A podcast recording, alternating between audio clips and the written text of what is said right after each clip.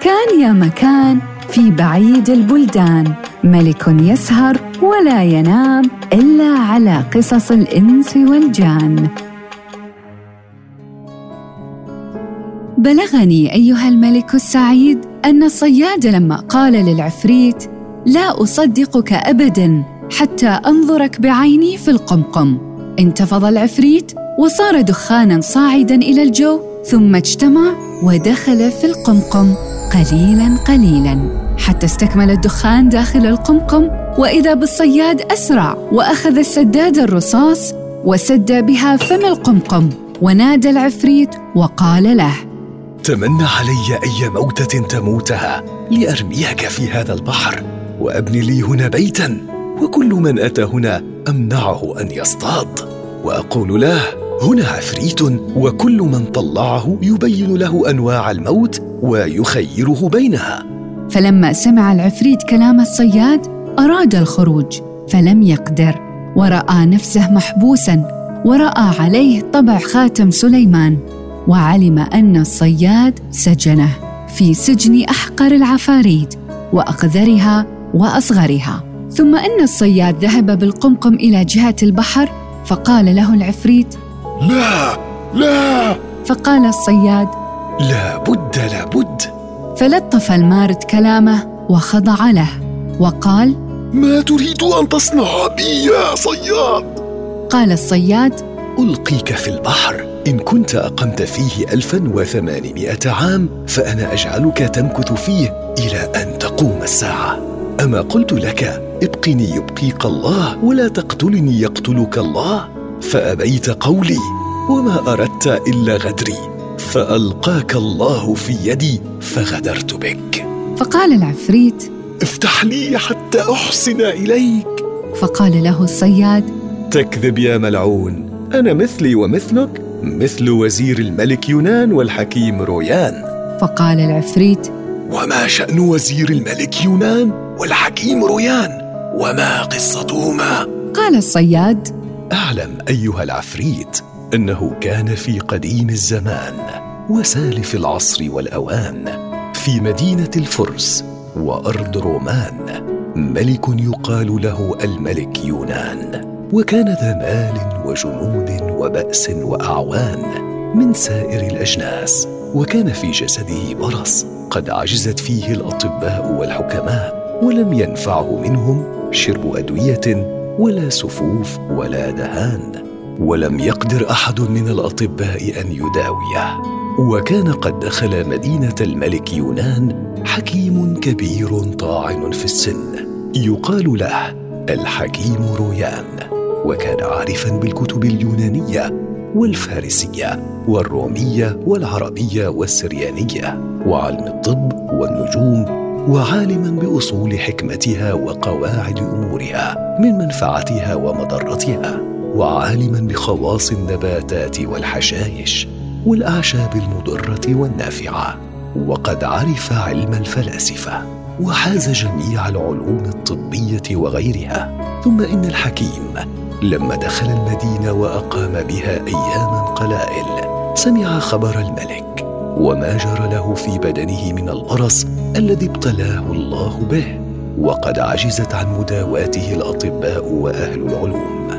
فلما بلغ ذلك الحكيم بات مشغولا فلما أصبح الصباح وأضاء بنوره ولاح وسلمت الشمس على زين الملاح لبس أفخر ثيابه ودخل على الملك يونان وقبل الأرض ودعا له بدوام العز والنعم وأحسن ما به تكلم وأعلمه بنفسه فقال أيها الملك بلغني ما تراك من هذا الذي في جسدك وأن كثيرا من الأطباء لم يعرفوا الحيل في زواله. وها أنا أداويك أيها الملك ولا أسقيك دواء ولا أدهنك بدهن.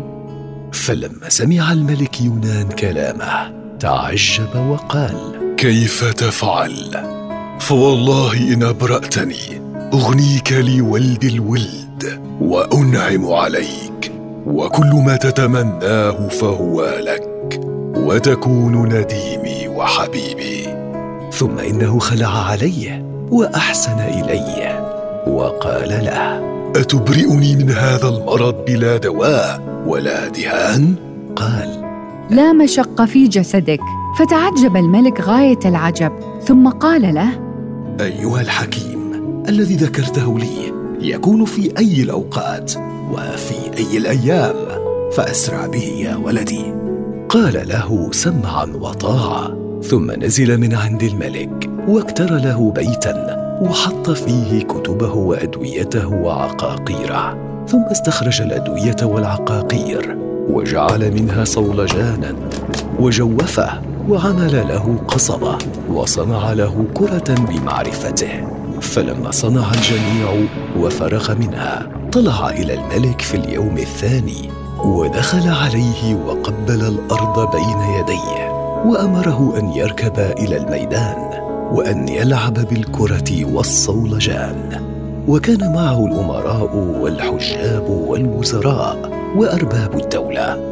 فلما استقر به الجلوس في الميدان حتى دخل عليه الحكيم رويان وناوله الصولجان وقال له خذ هذا الصولجان واقبض عليه مثل هذه القبضة وامش في الميدان واضرب به الكرة بقوتك حتى يعرق كفك وجسدك فينفذ الدواء من كفك فيسري في سائر جسدك فإذا فرغت وأثر الدواء فيك فارجع إلى قصرك وادخل بعد ذلك الحمام واغتسل ونم. فقد برئت والسلام. فعند ذلك أخذ الملك يونان ذلك الصولجان من الحكيم وأمسكه بيده وركب الجواد ورمى الكرة بين يديه وسار خلفها حتى لحقها وضربها بقوة وهو قابض بكفه على قصبة الصولجان وما زال يضرب به الكرة حتى عرق كفه وسائر بدنه. وسرى له الدواء من القبضة. وعرف الحكيم رويان أن الدواء سرى في جسده فأمره بالرجوع إلى قصره وأن يدخل الحمام من ساعته. فرجع الملك يونان من وقته وأمر أن يخلوا له الحمام فأخلوه له. وتسارعت الفراشون وتسابقت المماليك واعدوا للملك قماشة ودخل الحمام واغتسل غسلا جيدا. ولبس ثيابه داخل الحمام ثم خرج منه وركب إلى قصره ونام فيه. هذا ما كان من أمر الملك يونان. وأما ما كان من أمر الحكيم رويان فإنه رجع إلى داره وبات. فلما أصبح الصباح طلع إلى الملك واستأذن عليه فأذن له في الدخول فدخل وقبل الأرض بين يديه. وأشار إلى الملك بهذه الأبيات. زهت الفصاحة إذ دعيت لها أبا وإذا دعت يوما سواك لها أبا. يا صاحب الوجه الذي أنواره تمحو من الخطب الكريه غياهبا. ما زال وجهك مشرقا متهللا كي لا نرى وجه الزمان مقتضى. أوليتني من فضلك المنن التي فعلت بنا فعل السحاب مع الربا وصرفت جل المال في طلب العلا حتى بلغت من الزمان مآربا. فلما فرغ من شعره نهض الملك قائما على قدميه وعانقه وأجلسه بجنبه وخلع عليه الخلاع السنية. ولما خرج الملك من الحمام نظر إلى جسده فلم يجد فيه شيئا من البرص. وصار جسده نقيا مثل الفضة البيضاء ففرح بذلك غاية الفرح واتسع صدره وانشرح. فلما أصبح الصباح دخل الديوان وجلس على سرير ملكه ودخلت عليه الحجاب وأكابر الدولة ودخل عليه الحكيم رويان. فلما رآه قام إليه مسرعا وأجلسه بجانبه. وإذا بموائد الطعام قد مدت فأكل صحبته وما زال عنده ينادمه طول نهاره. فلما أقبل الليل أعطى الحكيم ألفي دينار غير الخلع والهدايا وأركبه جواده وانصرف إلى داره. والملك يونان يتعجب من صنعه ويقول هذا داواني من ظاهر جسدي ولم يدهني بدهان. فوالله ما هذه إلا حكمة بالغة. فيجب علي لهذا الرجل الإنعام والإكرام وأن أتخذه جليسا وانيسا مدى الزمان.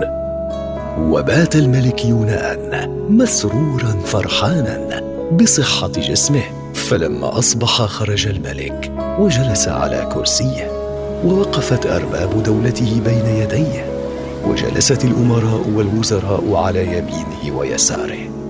ثم طلب الحكيم رويان فدخل عليه وقبل الأرض بين يديه فقام له الملك وأجلسه بجانبه وأكل معه وحياه وخلع عليه وأعطاه. ولم يزل يتحدث معه إلى أن أقبل الليل فرسم له بخمس خلع وألف دينار. ثم انصرف الحكيم إلى داره وهو شاكر للملك. فلما أصبح الصباح خرج الملك إلى الديوان وقد أحدقت به الأمراء والوزراء والحجاب. وكان له وزير من وزرائه بشع المنظر نحس الطالع بخيل لئيم حسود مجبول على الحسد والمقت. فلما رأى ذلك الوزير أن الملك قد قرب الحكيم رويان. وأعطاه هذا الإنعام. حسده عليه أضمر له الشر. كما قيل في المعنى ما خلا جسد من حسد. وقيل في المعنى الظلم كمين في النفس. القوة تظهره والعجز يخيفه. ثم إن الوزير تقدم إلى الملك يونان وقبل الأرض بين يديه وقال له يا ملك العصر والأوان أنت الذي شمل الناس إحسانك ولك عندي نصيحة عظيمة. فإن أخفيتها عنك أكون غير صادق. فإن أمرتني أن أبديها أبديتها لك. فقال الملك وقد أزعجه كلام الوزير. وما نصيحتك؟ فقال أيها الملك الجليل قد قالت القدماء من لم ينظر في العواقب ما الدهر له بصاحب. وقد رأيت الملك على غير صواب حيث أنعم على عدوه وعلى من يطلب زوال ملكه. وقد أحسن إليه وأكرمه غاية الإكرام وقربه غاية القرب وأنا أخشى على الملك من ذلك. فقال له الملك إن هذا صديقي وهو أعز الناس عندي لأنه داواني بشيء قبضته بيدي وأبراني من مرضي الذي عجزت فيه الأطباء وهو لا يوجد مثله في هذا الزمان في الدنيا غربا وشرقا. فكيف أنت تقول عليه هذا المقال؟ وأنا من هذا اليوم أرتب له الجوامك والجرايات وأعمل له في كل شهر ألف دينار. ولو قاسمته في ملكي لكان قليلا عليه. وما أظن أنك تقول ذلك إلا حسدا كما بلغني عن الملك سندباد. وأدرك شهرزاد الصباح فسكتت عن الكلام المباح.